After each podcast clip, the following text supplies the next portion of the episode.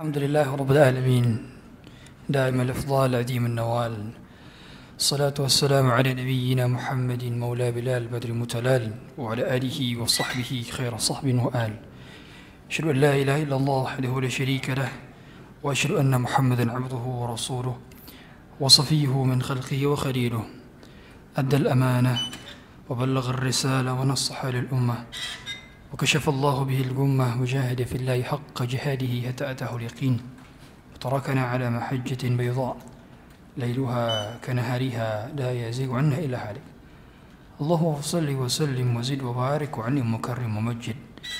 على عبدك ورسولك محمد صلى الله عليه وعلى آله وصحبه وسلم. فقال عز من قائل يا أيها الذين آمنوا اتقوا الله حق تقاته ولا تموتن إلا وأنتم مسلمون. فقال عز وجل يا أيها الذين آمنوا اتقوا الله وقولوا قولا سديدا. يصلح لكم أعمالكم ويغفر لكم ذنوبكم. ومن يطع الله ورسوله فقد فاز فوزا عظيما. هذه رحمه الله سبحانه وتعالى الحمد لله كتاب كمبري bermajlis ilmu dalam pembahasan fikih muamalah kontemporer al-maliyah yang berkenaan dengan harta. Tema pembahasan kita pada siang hari ini insyaallah taala akan berkenaan dengan riba di sekitar kita.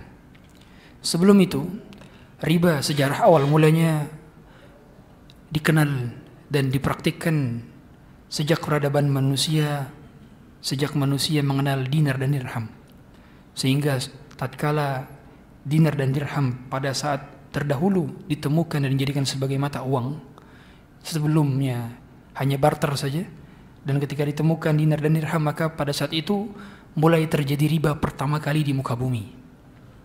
Oleh karena itu setiap peradaban mereka ketika menggunakan mata uang maka pada saat itu pula terjadi transaksi riba. Oleh karena itu di Mesir terjadi ketika Mesir kuno, di Yunani ketika zaman dahulu juga terjadi. Maka kalau kita menarik sejarah mengapa terjadi riba pada zaman Rasulullah SAW di mana beliau ketika di kota Madinah langsung membuat pasar. Jadi di antara langkah dakwah beliau selesai daripada membuat masjid Nabawi, maka beliau langsung membuat pasar. Yang pada saat itu sudah ada pasar sebetulnya. Pasar orang Yahudi. Tapi di antara kecerdasan beliau dan kebijaksanaan beliau bahwa paham setelah akidahnya dipopok, maka umat untuk butuh untuk dibina dan ditopang perekonomiannya. Kalau ikut pasar Yahudi, maka mereka melakukan transaksi riba. Mereka melakukan kezaliman dan mustahil kita bisa mendapatkan kebahagiaan dengan transaksi demikian. Maka Rasulullah membuat pasar tepat di depan pasar Yahudi. Kata para ulama, mengapa? Dikarenakan memang jelas agar masyarakat memilih transaksi mana yang dihalalkan, transaksi mana yang diharamkan. Jadi awal riba terjadi pada zaman tersebut adalah hasil dari ijtihadnya orang-orang Yahudi. Orang yang Yahudi berpedoman pada perjanjian lama mereka bahwa memang riba diperbolehkan untuk diambil dari selain mereka. Jadi mereka kalau bertransaksi sesama mereka itu haram hukum riba bagi mereka. Mereka tidak mau bertransaksi dengan sesama Yahudi dengan transaksi riba. Tapi kalau dengan orang selain Yahudi, makanya agama paling racist adalah agama Yahudi. Karena mereka berbuat kezaliman kepada orang selain Yahudi. Tapi kalau kesama Yahudi mereka nggak buat berbuat zalim. Sedangkan agama kita tidak. Kita tidak boleh berbuat zalim kepada siapa siapa pun makhluk di bumi ini. Gak boleh. Makanya hukum pakai software yang ilegal itu nggak boleh karena ada mengandung kezaliman kepada yang menciptakan, hatta yang menciptakan orang kafir. Termasuk membuat produk KW. KW yang di KW-nya adalah produk orang kafir misalkan yang membuatnya adalah orang kafir. Itu pun tidak boleh. Adalah hukum tazwir namanya. Tazwir itu membuat barang KW kemudian dijual. Ada pihak yang terzalimi meskipun orang kafir. Bahkan kata para ulama di antara Syekh Utsaimin, kata beliau orang yang doanya diijabah adalah orang terzalimi.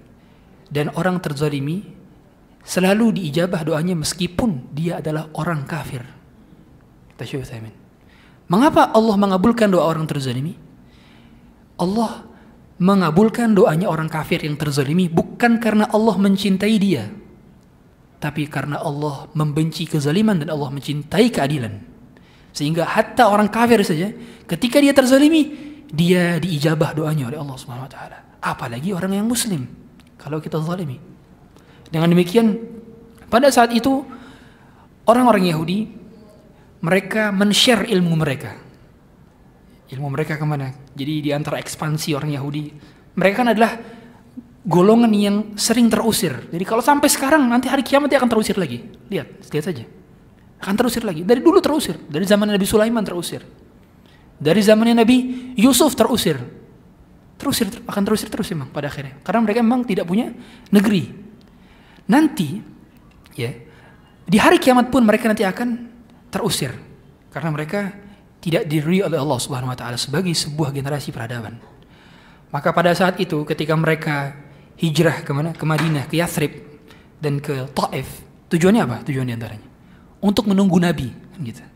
Jadi mereka itu sudah tahu bahwa nabinya adalah yang akan diutus ke sebuah tempat yang banyak pohon kurmanya. Maka mereka cari, oh ternyata banyak pohon kurma adalah Yathrib yang sekarang adalah nama kota Madinah. Kemudian Rasulullah mengubah nama Yathrib menjadi kota Madinah. Pada saat itu mereka nunggu di sana nungguin apa nungguin Rasul. Mereka sudah tahu bahwa akan ada Nabi. Ya. Uh, oleh karenanya ternyata ketika Nabi datang dan itu bukan Nabi yang berasal dari Bani Israel, maka mereka hasad dan min indi anfusihim min ba'di ma tabayyana lahumul haqq. Mereka langsung hasad. Mengapa nabinya bukan dari Bani Israel? Kenapa dari bangsa Arab? Karena mereka adalah generasi paling rasis. Oleh karenanya Yahudi itu bukan agama yang universal, tidak. Mereka agama eksklusif, agama etnis. Jadi kalau Anda mau menjadi seorang Yahudi nggak akan bisa. Karena Yahudi adalah agama etnis. Anda harus terlahir sebagai gen Yahudi dulu, baru bisa menjadi agama Yahudi. Nah, pada saat itu, ketika mereka di Madinah dan di Taif, mereka melakukan transaksi riba. Sebagaimana kita ketahui, riba adalah pinjaman berbunga. Mereka ngasih pinjam orang, kemudian orang-orang tersebut bayarnya lebih daripada yang dipinjamkan. Sehingga keuntungan mereka dari situ. Dan mereka kaya raya karena transaksi ini. Kaya raya. Sampai-sampai orang Arab di Yathrib dan di Taif mendapatkan kerugian yang sangat besar, menjadi miskin. Sampai-sampai mereka menggadaikan anak dan istrinya demi pinjaman riba. Dari orang Yahudi, sumbernya. Dan ternyata kita lihat sekarang. Di depan mata kita. Pinjol merajalela. Pembunuhan terjadi di Universitas Indonesia kemarin gara-gara pinjol. Suami istri bercerai gara-gara pinjol. Luar biasa. Tampaklah kejayaan Yahudi di zaman sekarang kita lihat menjerat lagi kaum muslimin. Mereka tidak paham bahwa ketika sudah terjadi riba dan mereka tidak keluar daripada riba, terjerumus ke dalamnya. Sulit keluar. Sulit. Semuanya digadaikan. Dulu lagi sekarang ada slot online. Tidak hanya anak muda, orang tua. Orang tua. Bahkan yang jenggotnya sudah putih pun di depan ruko-ruko, di pasar-pasar. Mungkin kita lihat di bawah sekarang nih orang nggak sadar lihat main game, nggak taunya main judi slot online. Subhanallah. Ini bagian daripada kehancuran peradaban. Awal mula kehancuran peradaban adalah orang Islam masuk ke dalam jeratan riba dan gharar. Dan riba yang paling besar adalah riba jahiliyah. Oleh karenanya pada saat itu orang-orang kafir Quraisy pun mengikuti sistem ini. Jadi karena mereka bangsawan, mereka punya modal besar sehingga modalnya biar bertambah tanpa mendapatkan risiko diapain? Dipinjemin riba. Silahkan meminjam, nanti bayarnya segini. Kalau telat, bayar denda keterlambatan. Seringkali justru denda keterlambatannya lebih besar daripada pinjamannya. Pinjamannya mungkin sejuta, dendanya bisa dua juta. Makanya dahulu 2011 itu ada seorang anggota DPR yang terkena kekerasan dikarenakan dia punya utang ya dari satu satu bank konvensional. Kemudian ternyata bunga banknya lebih besar daripada pokoknya. Akhirnya terjadi keributan dan masuk ke dalam ranah hak asasi manusia pada saat itu. Ini meyakinkan kepada kita bahwa tidak akan pernah beruntung sebuah negeri dan peradaban ketika kita menjunjung tinggi konsep riba. Tidak akan bisa. Makanya mengapa Allah Subhanahu wa taala melaknat la'anallahu akil riba wa mu'kilahu wa katibahu wa syahidaihi Rawah Muslim. Kalau kata Rasulullah hum sawa. Allah melaknat pelaku riba yang ngasih makan riba, yang menjadi notarisnya sekaligus yang menyaksikannya. Artinya pelaku riba ini dosanya sama semua. Yang ngeliatin, yang menyaksikan, yang menjadi notaris. Bahkan yang memberi makan pun mendapatkan dosa riba.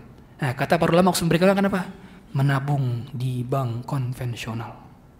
Menabung di bank konvensional sama dengan memberikan bahan bakar kepada bank-bank konvensional untuk melakukan dan mempermulus transaksi ribanya.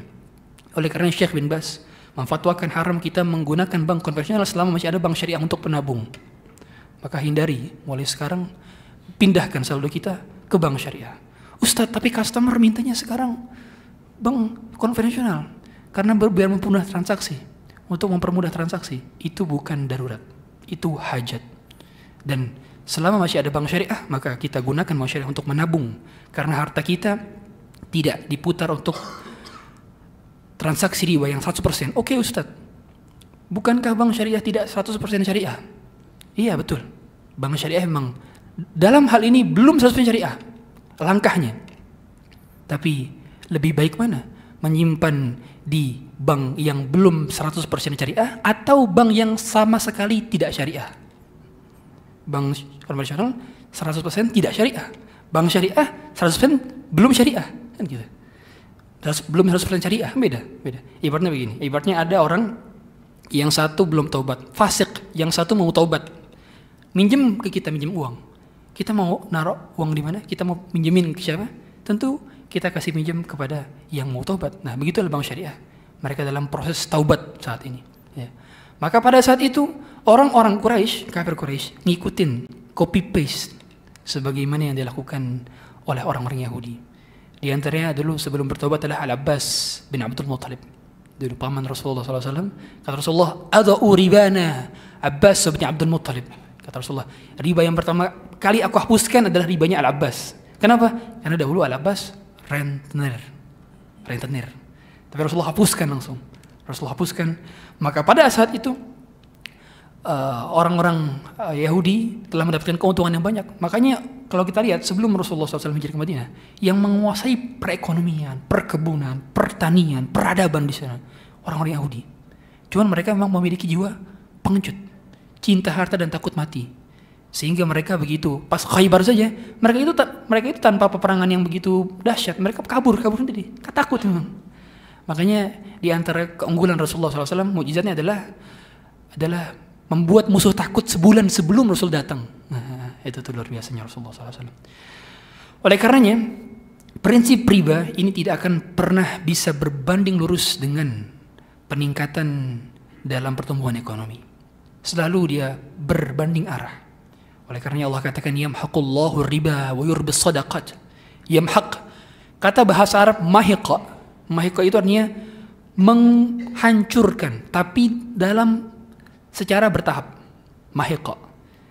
Artinya apa? Riba memang tidak menghancurkan perekonomian secara langsung, tapi dia menghancurkan perekonomian secara bertahap. Bertahap. Dan betul, transaksi riba yang dilakukan masyarakat saat ini di 2023 tidak berdampak langsung kepada masyarakatnya, tapi baru berdampak oleh anak cucu kita 20 tahun mendatang, 30 tahun mendatang. Begitulah pada akhirnya. Memang yamhaqullahu riba wa yurbis sadaqat. Allah di sini kan di sini Allah menggandengkan antara riba dengan sedekah. Seolah-olah ini adalah kedua hal yang sangat kontradiktif. Tidak akan pernah berhasil selamanya. Riba menghancurkan ekonomi, sedangkan sedekah menumbuhkan ekonomi. Makanya di antara penyebab sebuah negara bisa sustain dan bisa stabil adalah ketika negara tersebut filantropinya banyak. Alhamdulillah Indonesia termasuk negara yang paling banyak filantropi, lembaga filantropi dan juga masyarakatnya sedang sedekah. Oleh karenanya rubi sedekah menumbuhkan ekonomi itu dengan sedekah justru, bukan transaksi riba. Mengapa demikian? Dikarenakan ketika ada transaksi riba, ini menyebabkan apa? Harga barang naik. Karena di antara inflasi kan memang banyak sektor inflasi. Ada inflasi karena uh, sumber daya ya kurang, kemudian ada ada inflasi juga karena bencana alam, ada inflasi karena cost push inflation. Apa itu cost push inflation? Disebabkan karena adanya pinjaman berbunga sehingga ketika orang minjem dia harus bayar lebih. Karena minjemnya ini untuk permodalan sehingga dia nggak mau rugi, otomatis apa? Menaikkan harga barang, dijadikan sebagai cost tambahan, kan begitu konsepnya. Karena kos tambahan otomatis harga barang dan jasa meningkat di masyarakat. Karena harga barang meningkat di masyarakat otomatis terjadilah kemiskinan. Begitulah pada akhirnya. Bersumber dari riba. Segala macam kemiskinan bersumber dari riba. Meskipun pada akhirnya kemiskinan adalah sebuah sunatullah. Tapi penyebab utama kemiskinan adalah riba itu sendiri. Menjadi gap jauh antara orang kaya dan orang miskin. Orang kaya semakin kaya dan semakin tamak dengan hartanya dan orang miskin semakin miskin, semakin melarat dengan kehidupannya. Hadirin dirahmati Allah Subhanahu wa taala. Dalam hal ini, transaksi riba di sekitar kita yang dapat terlihat kalau pinjol jelas dapat terlihat dapat terlihat oleh kita maka wasiatkanlah kepada anak anda sepupu anda keponakan anda jangan sampai ada yang coba-coba pinjol kalau bisa ini kita menjadi solusi bagi mereka. Tidak masalah kita pinjemin uang tanpa riba, tidak usah. Dengan syarat mereka berikan taruh barang gadainya. Barang gadai tidak boleh dimanfaatkan ya. Memanfaatkan barang gadai haram. Memanfaatkan barang gadai adalah riba. Memanfaatkan barang gadai. Dikarenakan akadnya adalah akad hutang piutang dan manfaat yang dihasilkan daripada hutang piutang adalah riba. Kullu qardin jarra naf'in fahuwa riba. Sehingga kalau ada orang mau minjam ke Anda uang sekian juta, kemudian dia menggadaikan sawahnya atau motornya, maka Anda tidak boleh mendapatkan hasil daripada sawahnya, begitu pula memanfaatkan motornya. Tidak boleh. Kemudian di antara transaksi riba sehari-hari adalah minjem uh, apa namanya? Bukan minjem, beli kartu member, beli kartu member, beli kartu member untuk menjadi member dalam satu department store atau furniture yang mana kalau kita punya kartu member tersebut kita bisa dapat diskon untuk beli segala macam peralatan atau barang yang dijual di sana. Ini termasuk riba fadl. Mengapa dikatakan riba fadl? Dikarenakan seorang ketika dia membeli kartu member tersebut yang biayanya biasanya 100 ribu, 200 ribu. Berarti dia sama saja membeli suatu hal yang tidak pasti. Karena yang dibeli adalah uang dengan uang. Ketika uang dibeli dengan uang sejenis dan tidak sama, maka terjadi riba fadl. Oleh karenanya, transaksi beli kartu member itu ada dua dosa di situ, kata para ulama. Dosa riba fadl dan dosa goror. Dosa riba fadl kenapa? Dikarenakan nominal yang didapatkan selalu selisihnya lebih sedikit atau lebih banyak bisa karena bisa jadi ketika orang punya kartu member kadang-kadang dia pakai dan ketika dia pakai bisa jadi lebih daripada nominal yang dia keluarkan. Nominalnya 100 ribu. Tapi bisa dapat diskon sejuta. Atau terkadang dia nggak pakai sama sekali. Dia bikin tapi nggak pakai sama sekali. Sehingga ada kerugian dirasakan oleh satu pihak dan keuntungan yang dirasakan oleh pihak lainnya. Oleh karenanya ini termasuk ke dalam goror. Sekaligus riba fadl. Di riba secara umum dibagi menjadi dua. Ada riba dain, ada riba ada riba baik. Riba dain adalah riba yang terjadi pada akad hutang piutang. Sehingga kalau kita mendatangani, ya kalau lihat cara ngelihat mendatangani ya, ada klausul denda keterlambatan, berarti itu riba dain. Ya. Contohnya seperti apa? Pay letter. Sekarang semua pay letter, hampir semua platform itu hybrid. Mereka menyediakan semua berbagai macam layanan. Dahulu kalau kita lihat toko hijau, ya, aplikasi hijau, itu cuma punya transaksi uh, transportasi dan makanan saja. Tapi semua hampir sekarang ada. Bahkan kita bisa minjem duit di situ. Subhanallah. Hybrid semua. Semua ingin menjadi super app, ingin menjadi the next Google. Sehingga mereka menyediakan segala macam kebutuhan in one app. Pada saat ini, kalau kita lihat pay later, itu banyak yang menawarkan bunga 0%. Ingat, ini bunga 0%. Masyarakat kita tidak hati-hati. Mereka tidak paham. Bunganya 0%. Tapi ingat, ada klausul denda keterlambatan. Kalau kita menyepakati, ya menyepakati itu ngapain? Kan ada biasanya itu kan contreng, term and condition, TNC, syarat dan ketentuan. Kalau kita contreng, berarti kita ngapain? Setuju dengan transaksi riba tersebut. Meskipun kita tidak bayar denda keterlambatan karena kita bayarnya tepat waktu terus. Ustadz saya bayar PL tepat waktu kok. Iya. Tapi Anda telah melakukan satu dosa. Dosa menandatangani, menyepakati akad riba. Makanya ketika seorang melakukan transaksi riba, dia hakikatnya melakukan dua dosa. Yang pertama, dosa karena kesepakatan akad riba. Yang kedua, dosa karena memberi makan riba. Dua dosa. Makanya hati-hati, meskipun ada kartu kredit 0%, cicilan 0%, pay later 0%, kalau ada klausul denda keterlambatan, berarti tandanya kita menyepakati akad riba di situ. Nah, secara umum, makanya jangan pernah gunakan lagi kartu kredit. Saya pun ragu, sekarang ada kartu kredit syariah, saya masih ragu bagaimana hukumnya dan akad yang digunakan apa. Banyak yang bilang akadnya kafalah bil ujroh. Dia mendapatkan fee ya, penerbit mendapatkan fee dari mendapatkan fee dari uh, apa namanya biaya member, biaya member. Tapi secara umum ini ini masih diperentangkan oleh para ulama dan saya pribadi tidak menyarankan Anda menggunakan kartu kredit apa pun. Ya. Ustadz bagaimana Ustadz? Kalau ternyata customer kita gunakan pay later di toko kita. Ini yang frequently asked question paling banyak ditanyakan oleh masyarakat. Di DM saya juga begitu, di WhatsApp begitu. Jawabannya, selama Anda tidak memfasilitasi dan memang tidak ada pilihan untuk menonaktifkan fitur tersebut, maka Anda tidak berdosa. Dia menanggung dosa customer sendiri. Tapi seandainya ada fitur, antum bisa bisa menonaktifkan fitur tersebut sehingga customer nggak bisa bayar pay later antum bisa menonaktifkan maka kita wajib menonaktifkannya. Kalau nggak ada, ya udah berarti mereka menanggung dosanya masing-masing. Karena la taziru waziratu wizra ukhra. Manusia tidak menanggung dosa orang lain dan antum tidak ada unsur tolong-menolong dalam kemaksiatan. Yang dosa siapa? Yang dosa platformnya. Kenapa menyediakannya? Hal demikian. Meskipun pada akhirnya um, pay later itu kan memang pakai pihak ketiga. Yang mendanai itu bukan bukan bukan agregator marketplace-nya, tapi dia bekerja sama dengan perusahaan finance pakai pihak ketiga dan uh, perusahaan tersebut memang pada pada asalnya memiliki permodalan yang banyak makanya mereka meminjam-minjamkan. Kita lihat makanya perusahaan pinjol itu kalau kita modalnya 20 tahun ke depan itu nggak akan habis. Makanya mereka memang punya dana dana base apa dana yang sangat banyak sekali untuk memperlancar transaksi ribanya. Naudzubillah yang sangat menyayangkan di Indonesia dilegalkan. Dan yang lebih miris lagi bukan hanya pinjol saya dilegalkan, legalkan, tapi apa? Sekarang judi online pun mau dipajakkan. Silahkan lihat berita-berita.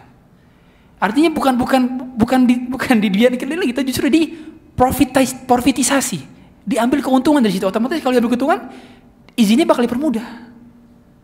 Ini yang yang yang kita sayangkan. Semoga saja kita diberikan pemerintah yang lebih baik ya. Karena ini fatal sekali ketika di banyak sekali apa namanya orang-orang yang uh, ngejual motornya, sertifikat digadaikan, subhanallah. Karena dua ini di zaman sekarang. Dan anak-anak muda yang paling banyak mengerjakan hal demikian. Dikarenakan memang setiap hari tontonannya flexing celebrity, flexing public figure, sehingga mereka ingin kaya instan. Kaya instan yang penting kelihatan kaya meskipun dompet kere. Demikianlah orang merubah gaya mindsetnya bukan seperti mindset islami sehingga gaya hidupnya diikuti gaya hidup orang orang kafir. Maka sangat disayangkan sekali kalau ternyata ada anak cucu kita, keponakan kita, saudara kita, sepupu kita yang melakukan transaksi-transaksi demikian. Ya. Hadirin dari mati Allah Subhanahu wa taala. Oleh karena itu, kalau ada orang berkata, "Ustadz, transaksi pinjaman berbunga itu kan pada asalnya kan memang sebagai ganti rugi dikarenakan uang kita terkena inflasi. Misalkan Fulan minjem ke saya satu juta. Kemudian saya persyaratkan bayar tahun depan satu juta lima ratus. Kan lima ratus ribu itu ibaratnya sebagai ganti rugi lah Sir. Karena satu juta sekarang beda dengan sejuta di tahun depan. Inflasi kan gitu, karena ada nilai inflasinya. Sama seperti kita beli bakso tahun 2000 mungkin 4000 rupiah. Sekarang beli bakso 20 ribu rupiah. Karena inflasi Ustaz. Jawabannya, justru transaksi riba Anda penyebab inflasi. Bagaimana mungkin kita menjadikan sebuah solusi yang solusi itu adalah penyebab utamanya terjadinya peningkatan harga dan barang? Kan gitu. Kan kita tahu semua bahwa pinjaman berbunga itu menyebabkan apa?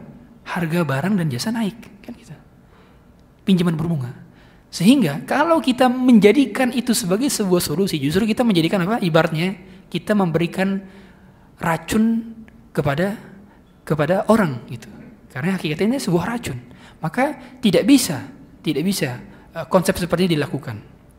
Oleh karenanya kebanyakan syubhat-syubhat demikian justru lahir dari orang-orang kafir yang memang telah memprakarsai transaksi riba ini melalui perbankan-perbankan sentral mereka. Ya. Apalagi semenjak 1979 ketika Amerika Serikat mencetak dolar tanpa backup emas sehingga setiap negara telah memiliki emas tersebut dan the Fed bisa mencetak emas apa mencetak dolar kapan pun mereka mau. Ini yang menjadi kendalanya. Oleh karena banyak para pakar menganjurkan menganjurkan setiap negara kembali kepada emas dan perak kembali sebagai mata uang. Karena mata uang yang paling stabil memang adalah mata uang emas dan perak. Dan terbukti, terbukti banyak para ulama menjelaskan dalam riwayat-riwayat tafsir bahwa mata uang Nabi Adam pertama kali adalah emas dan perak. Dalam dalam hadis beberapa hadis riwayat Sunan Ibnu Majah ya, sebagaimana kami dapat dari Ustaz Arwani kata beliau nanti di hari kiamat akan banyak muncul pertambangan-pertambangan emas yang emasnya memang sebesar gunung dan bisa deraup sampai lembah-lembahnya. Ya. Mengapa pada saat itu? Karena memang kebutuhan emas itu pada saat itu memang lebih dibutuhkan. Jadi pada dasarnya mata uang itu mengikuti jumlah suplai barang dan jasa. Dia akan menjadi penyeimbang.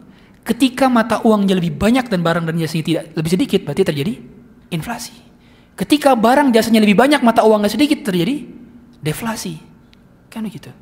Makanya emas memang sudah menjadi sunatullah. Allah menciptakan emas dan perak. Kalau perak terjadi inflasi. Ya. Perak zaman dulu beda dengan perak zaman sekarang. Zaman sekarang segram 12 ribu perak. Zaman dulu mungkin masih tinggi. Zaman dulu itu kursnya satu dinar setara dengan 10 dirham. Satu dinar setara dengan 10 dirham. Satu dinar setara dengan 4,25 gram emas. Sehingga uh, maharnya Rasulullah SAW adalah 300 dirham, 400 dirham. 400 dirham. Sekitar 40 dinar. Berarti sekitar 170 gram emas mahar Rasulullah SAW kepada semua istrinya kecuali kepada Ummu Salamah. Ummu Salamah maharnya adalah beberapa perabotan rumah tangga. Ya. Nah, dari sini difahami bahwa sebetulnya faktor yang menyebabkan krisis global paling utama adalah riba dan banyak masyarakat tidak menyadarinya. Oleh karenanya dosa riba sebagaimana disebutkan dalam hadis riwayat Tabrani, adnaha mithla ityan rajuli ummah. Dosa riba itu paling kecil dosanya seperti mendatangi ibunya sendiri. Maksudnya menzinahi ibunya sendiri. Dosa riba. Paling sederhana. Bahkan dalam riwayat, riwayat lain dosanya lebih parah daripada 36 kali berzina. Dosa riba. Ustadz, kenapa begitu parah? Padahal hanya sekitar serupiah, dua rupiah, seratus, dua ratus. Kok begitu parah? Dikarenakan Anda hakikatnya tidak hanya menzolimi orang yang bertransaksi dengan Anda, tapi juga menzolimi perekonomian secara umum. Karena kan uang yang kita pakai kan kan beredar di masyarakat.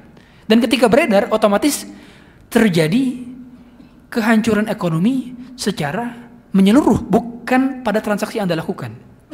Oleh karena konsep bertransaksi dalam Islam, dalam agama kita, itu bukan hanya kita mencari keuntungan dunia, tapi kita juga mencari keuntungan akhirat.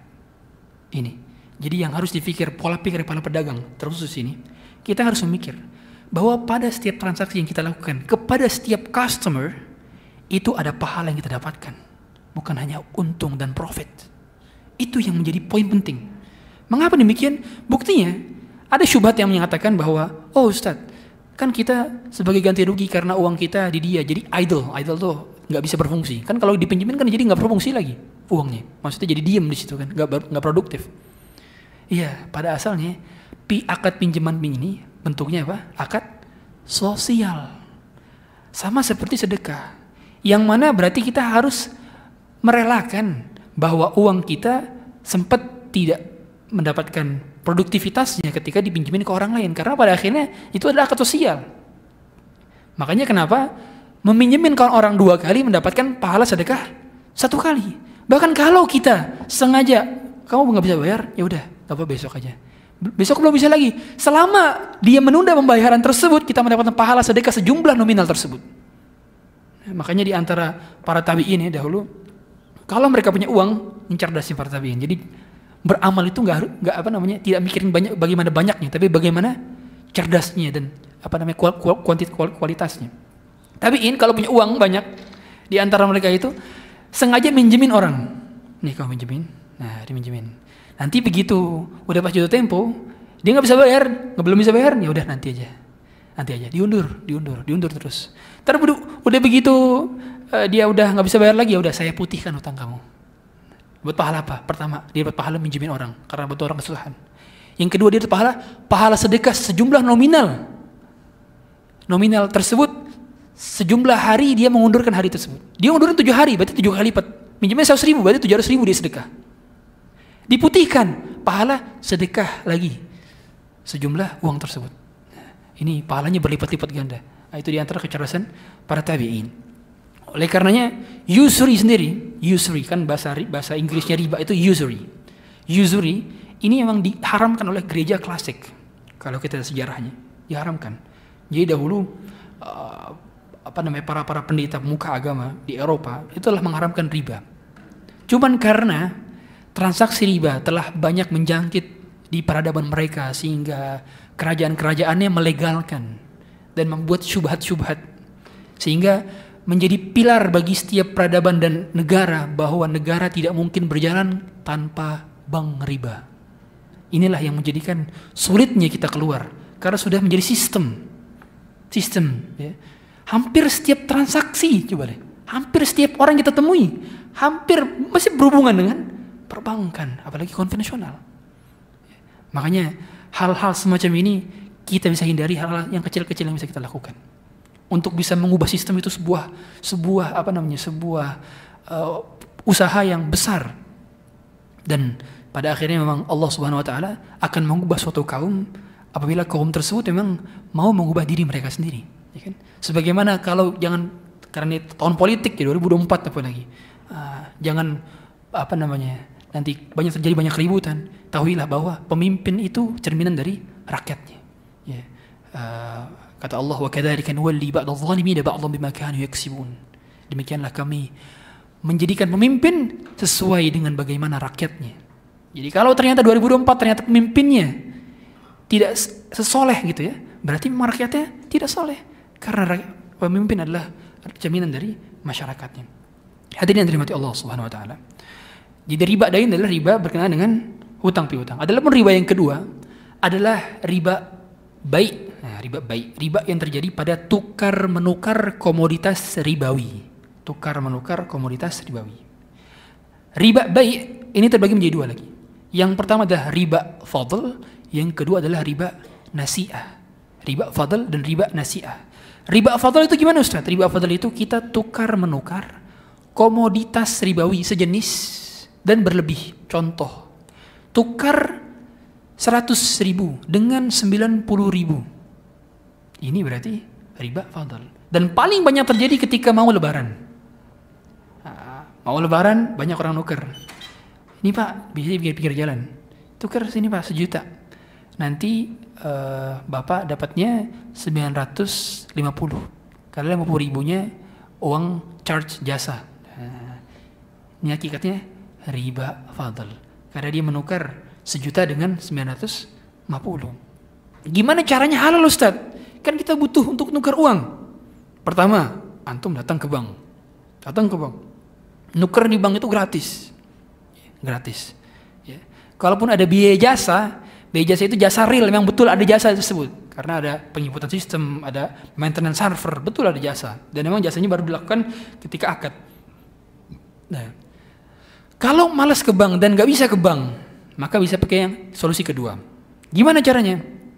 Nyuruh orang, orang untuk tuker uang kita ke bank atau tuker di bank keliling, ya. nanti dia dapat uang tambahan berupa fee, jasa menukar. Bedanya apa Ustadz? Kok yang tadi awal nggak boleh, yang yang kedua boleh? Bedanya apa? Yang pertama tadi udah stok dia. Yang kedua tadi dia nggak punya stok. Yang kedua tadi kan kita nyuruh orang, orangnya nggak punya uang sama sekali, bang. Dia dia nggak punya stok uang. Jadi nukarnya bukan pakai uang dia, tapi pakai uang yang ada di perbankan atau uang di bank keliling. Barulah kita ngasih ke dia, nih satu juta, ini 50 ribunya buat kamu. Satu jutanya tuker jadi recehan, 50 ribunya buat kamu sebagai uang transport. Itu baru boleh. Tapi kalau yang pertama tadi, nggak boleh. Kenapa? Karena jasanya belum diakatkan. Kan dia, Ustaz ini kan sebagai kompensasi karena dia telah menukar uang ini. Jadi kita kasih 50 ribu saja. Enggak. 50 ribu itu bukan uang jasa karena jasanya tidak diakatkan di cawal. Karena ya, jasa itu kan apa? Jasa yang diakatkan dan akad jasa itu baru terjadi setelah akad. Sedangkan jasa yang terjadi sebelum akad maka bukan akad, paham ya? Paham? Tadi yang di awal itu kan jasanya terjadi setelah apa? Sebelum akad. Jasanya udah ada. Adapun yang kedua, jasanya ada setelah akad. Nah, ini adalah pentingnya fikih muamalah. Beda sedikit proses, beda hukumnya. Beda hukumnya. Itu solusi di, di, di antara kita tukar menukar uang. Kemudian yang terjadi yang kedua, paling banyak di pedagang biasanya. Pedagang sama-sama pedagang jenis komoditas yang sama, uh, bersebelahan. Kemudian ketika ada customer yang nggak apa namanya uh, uang yang nggak ada recehan, dia uh, bayar pakai seratus ribu misalkan. Misalkan sama-sama pedagang nasi goreng. Ya. Yang satu beli di sini seratus ribu. Ternyata nggak bisa uh, bayar kembaliannya. Dia minjem dulu. Apa bukan minjem apa nuker. Nuker ke temannya sebelahnya. Nuker teman sebelahnya. Temennya sebelahnya ada cuma tujuh puluh ribu. Nggak ada seratus ribu. Itu karena dia seratus ribu. Tujuh puluh ribu dekat dengan seratus ribu. Maka ini riba. Fadl. Gimana caranya biar halal Ustaz? Caranya adalah dengan akad pinjem. Bukan akad tukar. Kalau akad tukar harus sesuai. 100 ribu ditukar dengan 100 ribu. 100 ribu satu satu apa satu satu, lembar dengan 100 ribu recehan kan gitu sesuai. Tapi kalau dia tukar menukar satu 100 ribu, satu tujuh ribu atau satu lima ribu berarti ada selisih di situ. Dan ketika terjadi selisih maka terjadi riba fadl. Oleh karenanya solusinya minjem. Eh saya pinjam uang kamu ya, nanti saya ganti. Nah, ada tujuh ribu kan, kata minjem minjem. Nanti begitu udah ada pengembalian, dia uh, bayar tujuh ribu itu ke dia. Nah, ini baru boleh. Nah, perbedaan akad bisa mengkonsekuensikan hal yang berbeda. Maka agama ini agama yang sempurna. Setiap akad itu ada konsekuensinya. Beda-beda konsekuensinya. Akad ini konsekuensi ini dan kita harus siap menerima konsekuensi pada setiap akad. Itu yang terjadi. Nah, itu itu pada riba fadl. Riba nasiah. Kalau riba nasiah adalah pertukaran komoditas yang beda jenis tapi satu ilat Contoh, tukar rupiah ke real, tukar real ke yen, tukar yen ke dolar dan seterusnya. Ini berarti kan komoditasnya beda jenis, tapi sama-sama mata uang, sama-sama satu ilat, memiliki ilat mata uang. Ketika terjadi pertukaran, maka harus tunai. Makanya mengapa emas itu kan termasuk mata uang, karena dia eksplisit dalam hadis bin Samit al-dhahabu bil-dhahabi wal-fiddatu bil-fiddati wal-sya'iru bil-syairi wal-burru bil-burri wal-tamru bil-tamri wal-milhu bil-milhi mithlan bimithlin sawa'an bis-sama'in fa idza ikhtalafat hadhihi al-asnaf fa bi'u kayfa syi'tum idza kana yadan biyadin rawahu Abu Daud maka emas itu bagian daripada mata uang. Sehingga ketika terjadi pertukaran antara rupiah dengan emas maka dia harus apa? tuh tunai. Tidak boleh orang jual emas secara online Nggak boleh juga kita beli emas secara online. Apalagi kredit emas. Tidak boleh. Kenapa kredit emas tidak boleh? Kita tahu kredit emas ya, biasanya di pegadaian. Itu kan uh, emasnya 10 gram, tapi nyicil bayarnya. Ini kan berarti ada apa? Ada penundaan dalam penyerahan. Harusnya dia bayar 10 gram, ya 10 gram pakai rupiah. Tidak ada, tidak ada penundaan dalam penyerahan. Ketika ada penundaan dalam penyerahan, berarti hukumnya riba nasiah. Riba nasiah. Solusinya gimana Ustaz kalau jualan emas? Jualannya COD, on the spot. Bukan bukan transaksi transaksi online. Ya. Ustaz COD di marketplace maksudnya? Bukan. COD di marketplace itu sama aja. COD maksudnya adalah janjian ketemuan. Ketemuan janjian. Nah, udah banyak tuh uh, pelopor COD emas syar'i, udah banyak sekarang. Alhamdulillah. Ya. Uh, kemudian kalau kredit emas ini juga nggak boleh. Kalau nabung emas gimana Ustaz? Nabung emas. Nah, banyak tadi nabung emasnya. Di beberapa aplikasi itu nabung emas. Nah, yang menjadi permasalahan pada akad nabung emas ini, biasanya pihak platform itu nggak punya stok emasnya. Nggak punya stok emasnya. Kemarin ada bermasalah beberapa platform itu nggak punya stok emasnya. Maksudnya gimana Ustaz? Nabung emas? Nabung emas itu kita beli emas di dia, terus kita nabung di dia. Nah, itu yang menjadi masalah. Karena apa? Ketika dikonversikan, kan dikonversikan kan emasnya kan berapa? Ada koma-komanya kan? Ya. Misalkan satu gram koma sembilan koma tujuh macam-macam itu komanya. Dan itu kan nggak ada fisiknya. Nah, itu jadi masalah. Itu jadi masalah. Makanya kalau saran saya saya baik hindari. Karena saya lihat belum betul-betul ada yang uh, apa namanya kom, apa namanya compact platform yang betul-betul ready untuk nabung emas demikian. Kalau seandainya sah, berarti dia nabungnya betul beli satu gram, kemudian simpan di situ dan bisa cetak kapan pun, itu baru halal. Nyatanya ada delay dalam pencetakan, oh, bukan delay apa namanya, ada ketidakmampuan dalam pencetakan karena kalau cetakan harus senilai. Sedangkan kalau koma-koma gitu gimana nyetaknya, nyetak emasnya? Nah itu menjadi problem. Ya, karena kebanyakan mereka tidak supply. Emasnya fiktif, emasnya fiktif. Lo alam ya kalau di BSI, lo alam. Itu apakah masih ready stock atau tidak? Bisa kita cek tuh di term and condition di syarat dan ketentuannya. Apakah ready stock dia dan bisa cetak kapan pun? Maka bisa menjadi boleh kalau demikian. Ya uh, mas kemudian juga biasanya yang terjadi banyak juga di masyarakat adalah ketika kirim uang atau tukar menukar exchange dari luar negeri ke dalam negeri PayPal misalkan dia mau convert dia gajian dari perusahaan IT luar negeri karena dia sebagai IT developer berarti dia mendapatkan gaji dari dolar dan dia ingin convert ke rupiah Ketika convertnya tidak tunai, berarti terjadi riba nasiah. Sering terjadi tuh.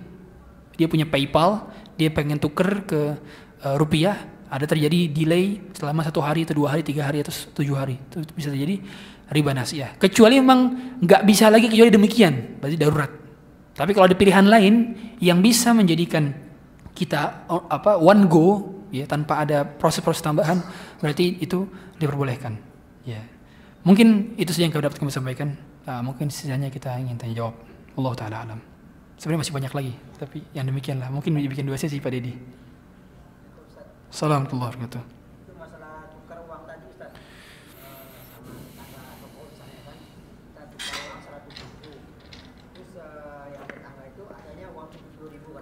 Hmm.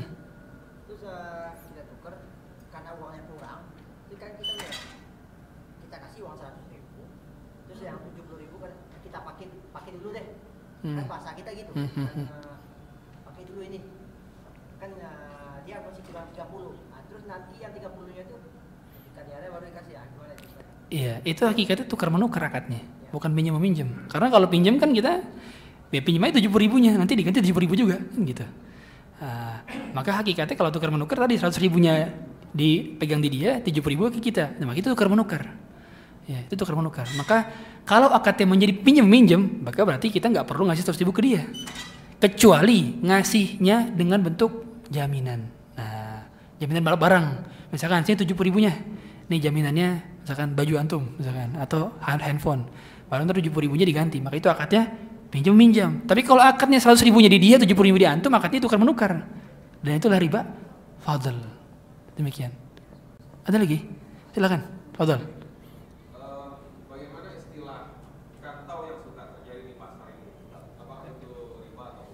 Ya, good question. Ini saya setiap kali ngisi kajian fikih muamalah di jemaah pedagang yang banyak orang Padang, pertanyaan itu muncul.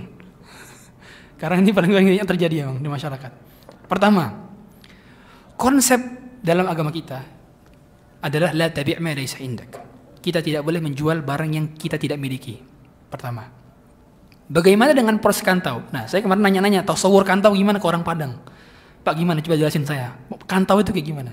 dengan jelasin akhirnya kantau itu gini Ustadz kata dia ini mohon koreksi ya mohon koreksi mungkin banyak terjadi perbedaan definisi antara orang Padang di sini kantau itu katanya dia nggak punya barang kemudian ada customer pesan ke dia kemudian dia nyari barang dari supplier dan dia barang tersebut dia beli secara utang ke customer tersebut kemudian dia jual secara cash kepada orang yang pesan ke dia.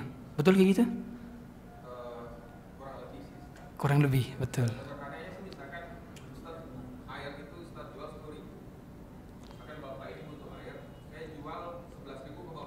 Hmm. Nah itu posisi kita kan pada saat itu belum punya barang kan, kita nyariin kan, betul kan? Kita nyariin barang kan. Nah, yang jadi problemnya adalah begini, ketika kita bilang ke bapak tersebut itu nggak boleh berakad, karena satu sih kita belum punya barang. Dan ingat kaidahnya tadi, kita tidak boleh menjual ketika kita tidak punya barang. Gimana Ustaz jatuhnya? Maka janji beli, belum berakad janji beli. Pak, kira-kira kalau beli ke saya, ini range harganya uh, antara 10 ribu sampai 12 ribu. Kita kasih range harga. Karena kalau udah dipatokin harga berarti sudah berakad. Ingat nih, bedanya antara janji beli dengan akad tuh gitu. Kalau dikasih range harga, berarti tandanya itu masih janji beli. Tapi kalau sudah dikasih tahu harga, tandanya sudah berakad. Nah, jadi kita bilang range-nya sekitar begini, sekitar segini, sekitar 10 sampai 12 misalkan kita bilang kayak gitu. Nah, barulah kita beli barang dahulu ke orang lain. Beli barang kan? Kita beli barang itu pakai uang kita dulu. Kita beli barang, baik belinya ngutang maupun cash. Yang penting beli. Karena boleh kita beli secara ngutang, boleh beli cicilan, boleh. Beli cicilan itu boleh, yang nggak boleh adalah denda keterlambatannya. Kan gitu. Nah, kita beli dari supplier nih, misalkan ngutang. Harganya 10 ribu atau harganya 9 ribu. Nah, baru barangnya udah ada, nah kita berakad dengan bapak ini. Pak, ini harganya 11 ribu. Kalau akadnya murabahah, murabahah itu dikasih tahu untungnya berapa. Saya beli 9 ribu. Cuman kan jarang rata-rata kita seperti itu, murabahah. Ya, kita rata-rata musawamah. Musawamah itu nggak dikasih tahu marginnya berapa. Modalnya berapa nggak dikasih tahu. Nah kalau pada saat itu baru kita ngasih, kita berakad jual beli ke dia. Nah itu baru sah. Ya, makanya kebanyakan kesalahannya adalah mereka berakad duluan di awal. Udah gitu ngasih DP dulu. Ngasih DP. DP ini, nah, DP itu kan konsep DP itu kan dalam fikih disebut bai'ul urbun, yaitu jual beli di mana orang ngasih uang jaminan, uang jaminan ini akan hangus ketika dia nggak jadi beli, itu DP kan. Nah, ketika anda nggak punya barang dan nggak punya stok barang, maka tidak bisa pakai DP. Bisanya pakai apa Ustaz? Pakai deposit. Konsekuensinya apa kalau pakai deposit? Kalau pakai deposit, berarti ketika dia nggak jadi beli, uangnya wajib kita kembalikan. Itu konsekuensi deposit. Nama istilah dalam fikih disebut hamish jiddiyah, uang kesungguhan. Uang kesungguhan. Karena sebenarnya hukum DP saja, hukum DP, down payment dalam agama kita itu khilaf. Menurut jumhur ulama tidak boleh. Yang boleh kan cuma madhab hambari. Itu down payment ya, down payment ya. Cuman cuman um, karena ini sudah apa, lumrah di masyarakat sehingga kami mengikuti fatwa OIV DP boleh. Tapi konsekuensinya dia harus punya barang. Dan kan tahu kebanyakan nggak punya barang, maka dia nggak boleh pakai sistem DP. Dia harus pakai uang deposit saja. Oke, pakai uang deposit, uang jaminan, uang jaminan. Baru dia nyari barang, dia beli barang baik secara kredit maupun cash, baru dia berakad dengan orang tersebut.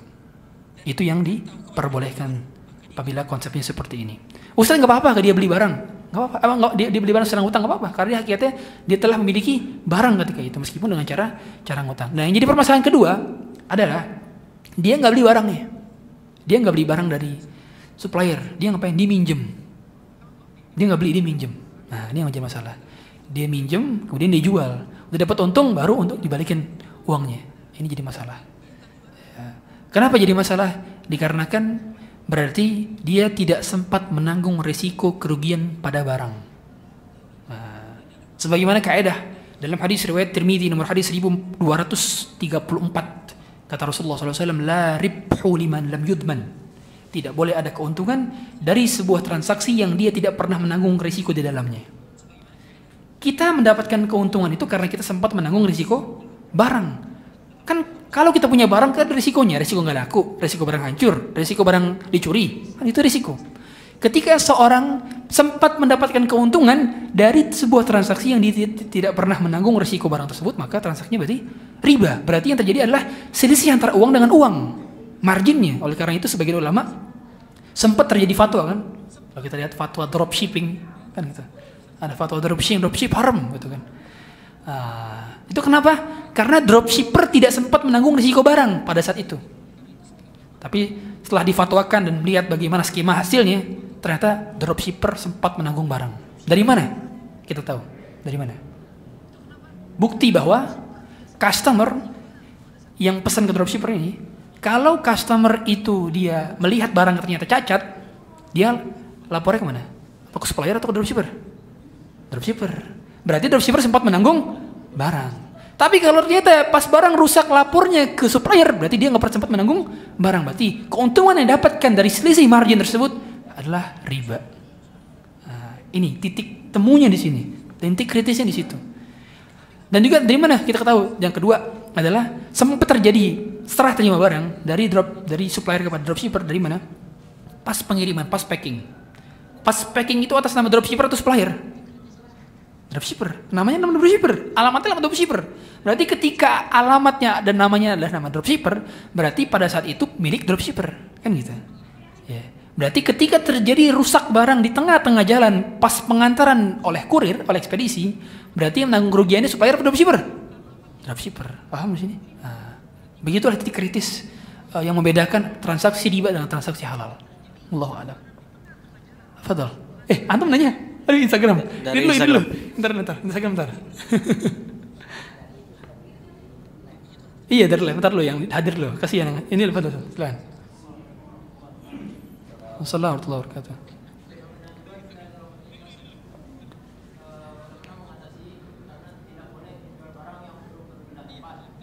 Hmm.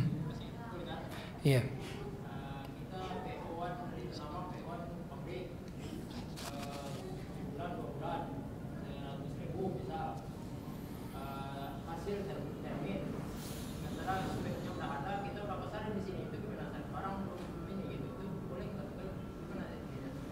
Baik. Pertama gini. Ada hadis riwayat Hakim bin Hizam. Kata Rasulullah SAW, La tabi'hu hatta taqbidahu. Kamu tidak boleh menjual sampai kamu qabad. Qabad itu serah terima. Jadi kita nggak boleh jual barang sebelum kita serah terima. Serah terima itu gimana sih gimana? Itu telah menjadi milik kita secara hukum de facto dan de jure. Ya? Kepemilikan baik kepemilikan tertulis maupun hakikat, hakiki atau hukmi. Ya. Nah, para ulama menjelaskan maksud di sini. Ya. Berarti kalau barangnya belum sempat pindah nama, kita beli mobil misalkan, ya dia customer mobil ke kita, kita beli mobil, barangnya belum nyampe mobilnya ke kita, kita jual lagi langsung ke dia, kan belum sempat serah terima, ya kan? Nah, itu nggak boleh seperti itu. Hanya saja di, dicek lagi, nah bisa menjadi halal. Caranya gimana? Pertama, ketika dia beli mobil ini, ya, dia beli mobil ini, dia caranya punya nota jual beli. Nota jual beli NJB namanya, nota jual beli.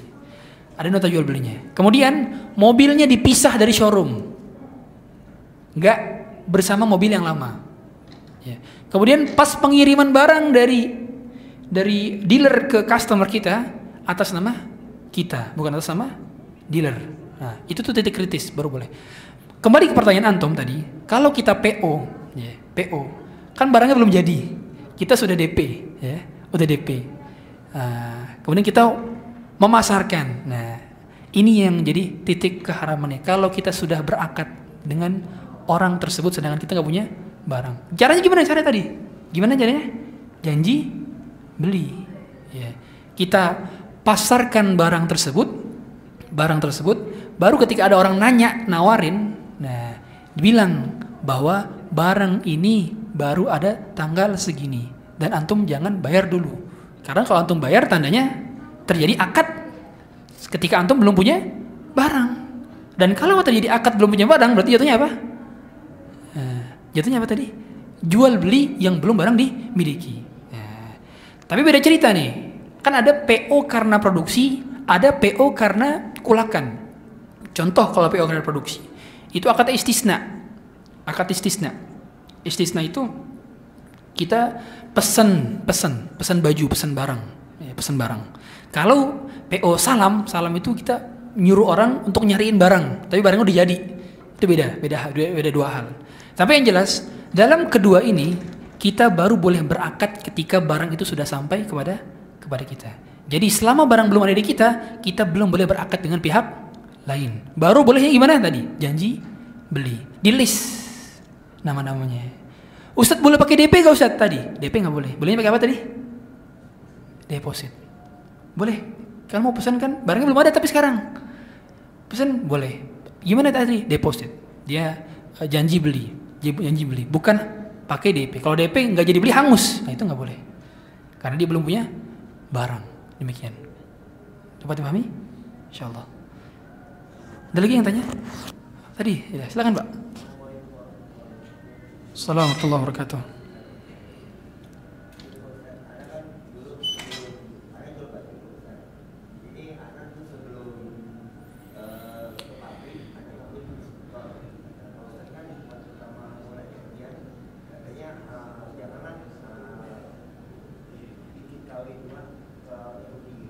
Apa? Bikin apa? Di KW, oh KW, ya ya ya. Sedangkan eh, dulu waktu beliau mau misalnya mau ini basisnya dia eh, kasih produk anak ada beli. Sekarang anak kan beli di pabrik, di pabrik itu kan anak harus punya motif kan. Nah motif itu anak ubah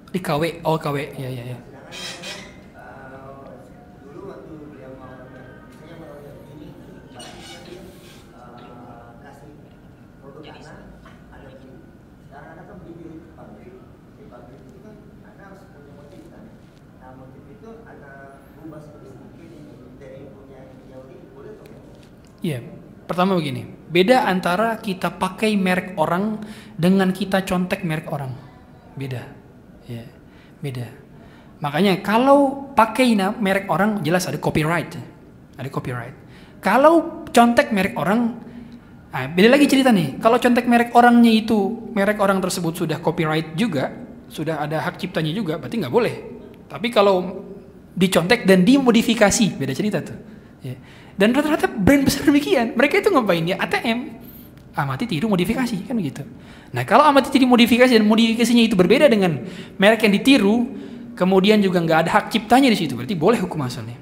Yang jadi problem adalah ketika kita meniru persis, apalagi sengaja pakai merek persis, itu berarti ada hak kezaliman di situ. Karena eh, merek itu ada nilai apa? Nilai harta di situ.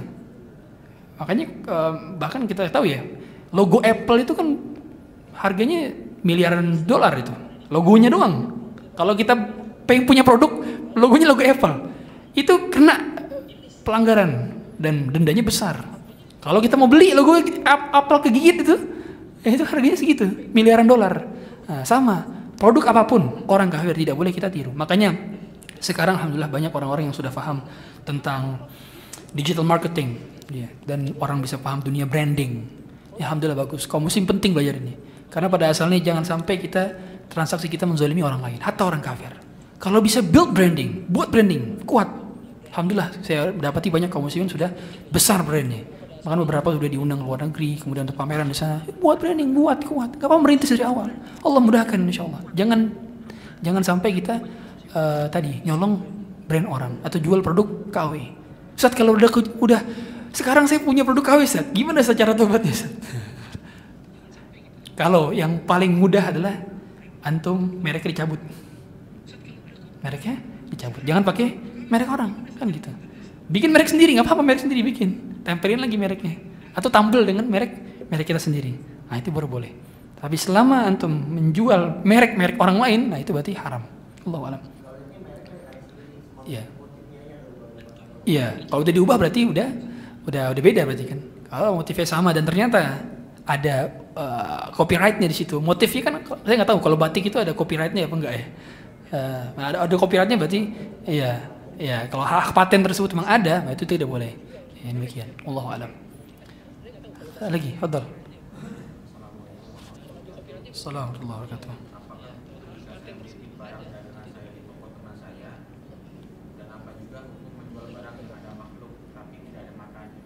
Bagus pertanyaannya.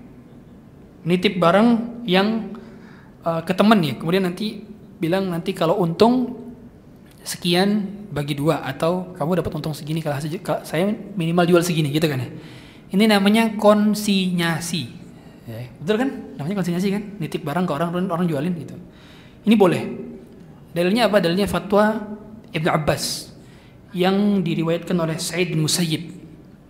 Kata beliau, boleh kita menaruh barang ke orang, kemudian orang tersebut menjualkan, nanti kita ngasih harganya segini.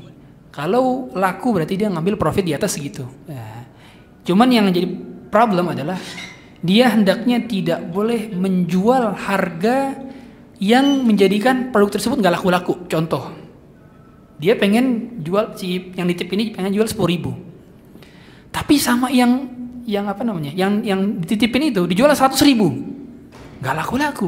Seratus sepuluh kali lipat, nggak laku-laku. Nah dia nggak boleh itu kayak gitu. Maka dia boleh menjual sesuai dengan kemaslahatan barang tersebut. Gimana cari barang laku tapi dapat untung. Oh lima belas ribu masih bisa lah, masih masuk lah. Oh dua puluh ribu masih bisa lah. Bahkan untung harga jual makanan margin 30% ya. Tapi lebih, lebih paham daripada saya antum sekalian. Ya, tapi demikianlah ya. Jadi tidak masalah kalau nitip barang. Yang kedua, apa yang kedua tadi apa yang kedua? Oke. Pertama, bagian daripada apa namanya? Bagian daripada makhluk hidup itu adalah as-surah, as-suratul ra's. Nah, ini jadi paham ya.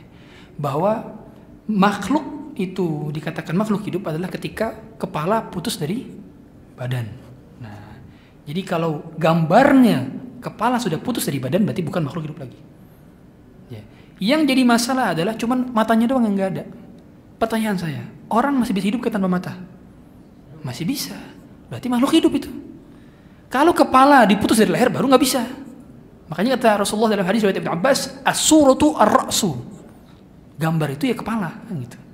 Makanya sebagian ulama bilang emoticon yang kita share di uh, WhatsApp segala macam itu boleh karena cuma kepala doang. Bagaimana kepala doang bisa hidup? Kan gitu. Yang ulama. Kayak Ustaz Firanda bilang boleh, nggak masalah. Karena kepala doang. Yang nggak boleh adalah sempurna tubuh. Nah, itu nggak boleh. Oh, tubuh. Nah, jadi kalau demikian hendaknya bukan matanya doang yang nggak ada, tapi faceless. Gimana faceless? Nggak ada hidung dan mata. Kalau nggak ada hidung dan mata, nggak hidup tuh. Karena hidung termasuk anggota uh, ini kan, berarti hidungnya dihapus tuh. Hidungnya dihapus. Ya. Uh, kalau udah kebeli gimana Ustaz? ada, ini yang problem. Kata para ulama dialih fungsikan. Dialih fungsikan itu untuk uh, apa namanya? Peralatan dan perabotan yang tidak dimuliakan, seperti keset, kemudian apa namanya? Uh, sarung bantal, kemudian hordeng, taplak meja. Nah, ini nggak masalah kalau yang bergambar. Yang nggak boleh adalah dipakai di baju. Karena kalau dia jadi karpet, keset, spray, nah, itu tuh dia sudah tidak lagi dimuliakan. Ya, beda, beda hukumnya beda. Tapi secara umum hendaknya kita tidak pakai produk-produk untuk perabotan rumah tangga kita. Ya Allah alam. Ada lagi? Eh, Fadol. Foto cantik itu apa? Oh. Oh iya. oh. Oh iya iya. Nah ini nih. Ini yang jadi problem juga. Yeah. Ini problem. Ya. Yeah.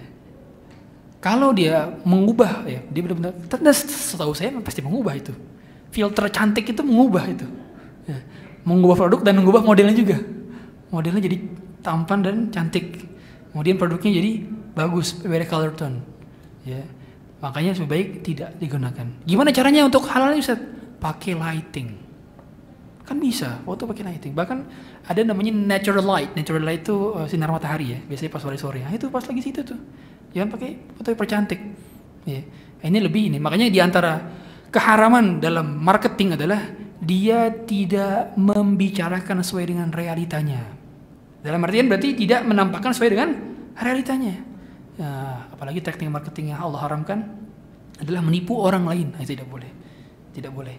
Ya, laisa minna man man ghasya laisa minna. Man ghasya laisa minni kata Rasulullah. Dalam riwayat lain man ghasyana laisa minna. Siapa yang menipu maka bukan dari golongan kami. Maka hati-hati dengan hal semacam ini. Ya, bahkan filter apa tuh? Filter tua menjadi muda, muda jadi tua. Itu kata Syekh Utsman Khamis tidak boleh. Karena ada unsur menipu orang lain. Ya. Nah, termasuk dalam menjual produk. Karena tidak menggunakan hal demikian ya.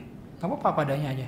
Kalau lighting kan itu kan memang natural, nggak boleh juga boleh pada akhirnya. Tapi kalau filter-filter hindarkan. Ada lagi? Ya, banyak juga. Ada. Eh, dulu.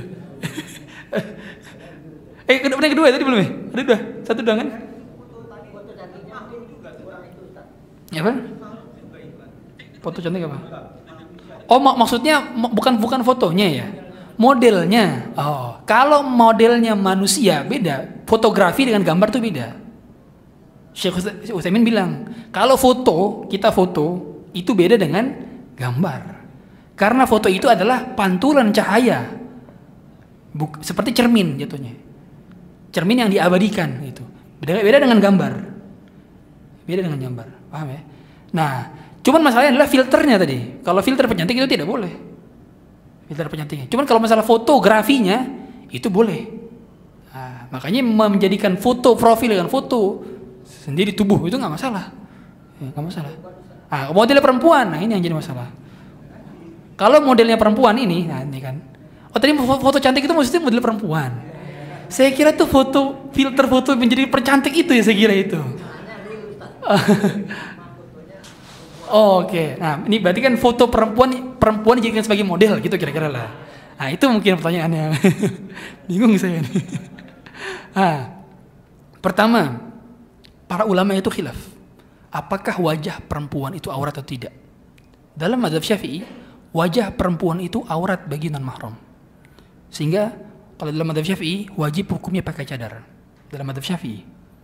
Dalam mazhab lain seperti Han Hanbali, Hanafi itu tidak tidak wajib tidak wajib cadar. Nah, kalau sekedar mukanya saja, ya, mukanya saja berarti uh, hal demikian berarti tidak tidak diharamkan. Hanya saja kita tidak tahu pola pikir orang seperti apa. Ya. Makanya kebanyakan pakaian muslimah di zaman sekarang itu modelnya tanpa wajah wanitanya. Ataupun pakai manekin doang, manekin doang, nggak pakai wajah wanitanya. Ya. Karena tadi karena pertama ada ulama yang mengharamkan wajah wanita terlihat. Yang kedua juga ada potensi unsur tabarruj di situ. Lenggak-lenggok otomatis kan ketika model itu mau lenggak-lenggok gitu. Mau nggak mau. Apalagi sekarang kalau kita lihat fashion, dunia fashion, ada istilahnya uh, catwalk atau run through. Gitu kan? Itu kan lenggok-lenggok itu. Sedangkan Rasulullah melaknat al-ma'ilat. Al-ma'ilat itu orang-orang yang lenggok-lenggok. Ya. Sebagaimana perempuan memang definisi tidak tampil. Buktinya apa? Dalilnya dalilnya apa? Waqarna fi buyutikunna wa la tabarrajna tabarrujal jahiliyatul ula. Kamu diam di rumah. Artinya apa? Perempuan itu memang tidak didesain untuk tampak karena dia mutiara. Maka tidak pantas jadikan model iklan. Maka kalau saran saya, produk-produk yang pernah dengan perempuan hendaknya tidak usah pakai model wanita. Hendaknya demikian. Menghindari fitnah dan juga kita tidak menyebabkan orang lain tersyahwat dengan wanita tersebut. Allah alam. Ada lagi? Jangan.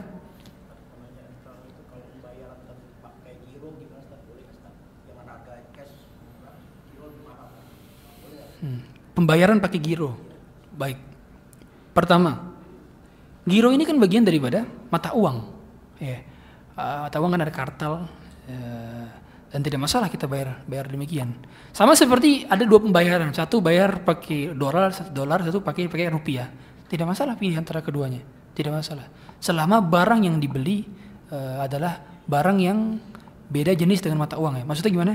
Maksudnya kita beli beli beli apa namanya beli beli komoditas gitu bukan beli beli uang ya.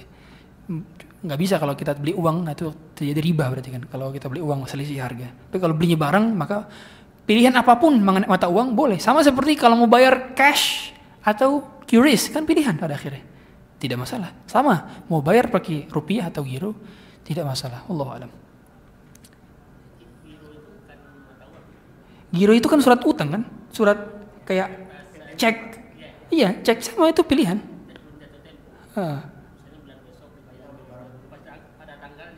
Hmm. Iya, pada akhirnya itu kan ah, tadi kalau barangnya barangnya adalah barang emas, nggak boleh. Tapi kalau barangnya barang barang sama seperti kita, kita bayar utang, kan gitu. Saya beli ya, nanti saya utang, antum. Boleh berarti kan? Bayarin utang. Yang nggak boleh adalah komoditasnya adalah emas atau komoditasnya mata uang. Berarti kalau bayarnya tertunda berarti apa? Berarti jatuhnya apa? Tertunda hutang kan gitu. Itu yang jadi masalah. Ya. Ataupun itu pilihan, pilihan pilihan.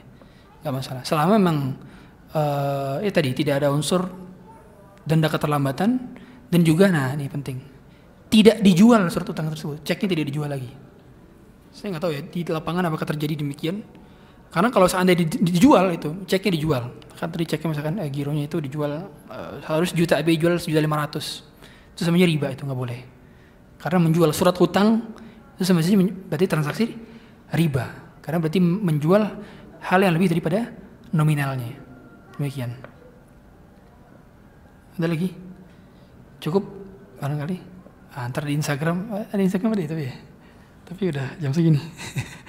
eh, cukup cukup cukup. Baca. Satu aja. Apa Ada dua. Ada dua. Ya. Satu boleh satu. Biar interaktif. Sebentar ya.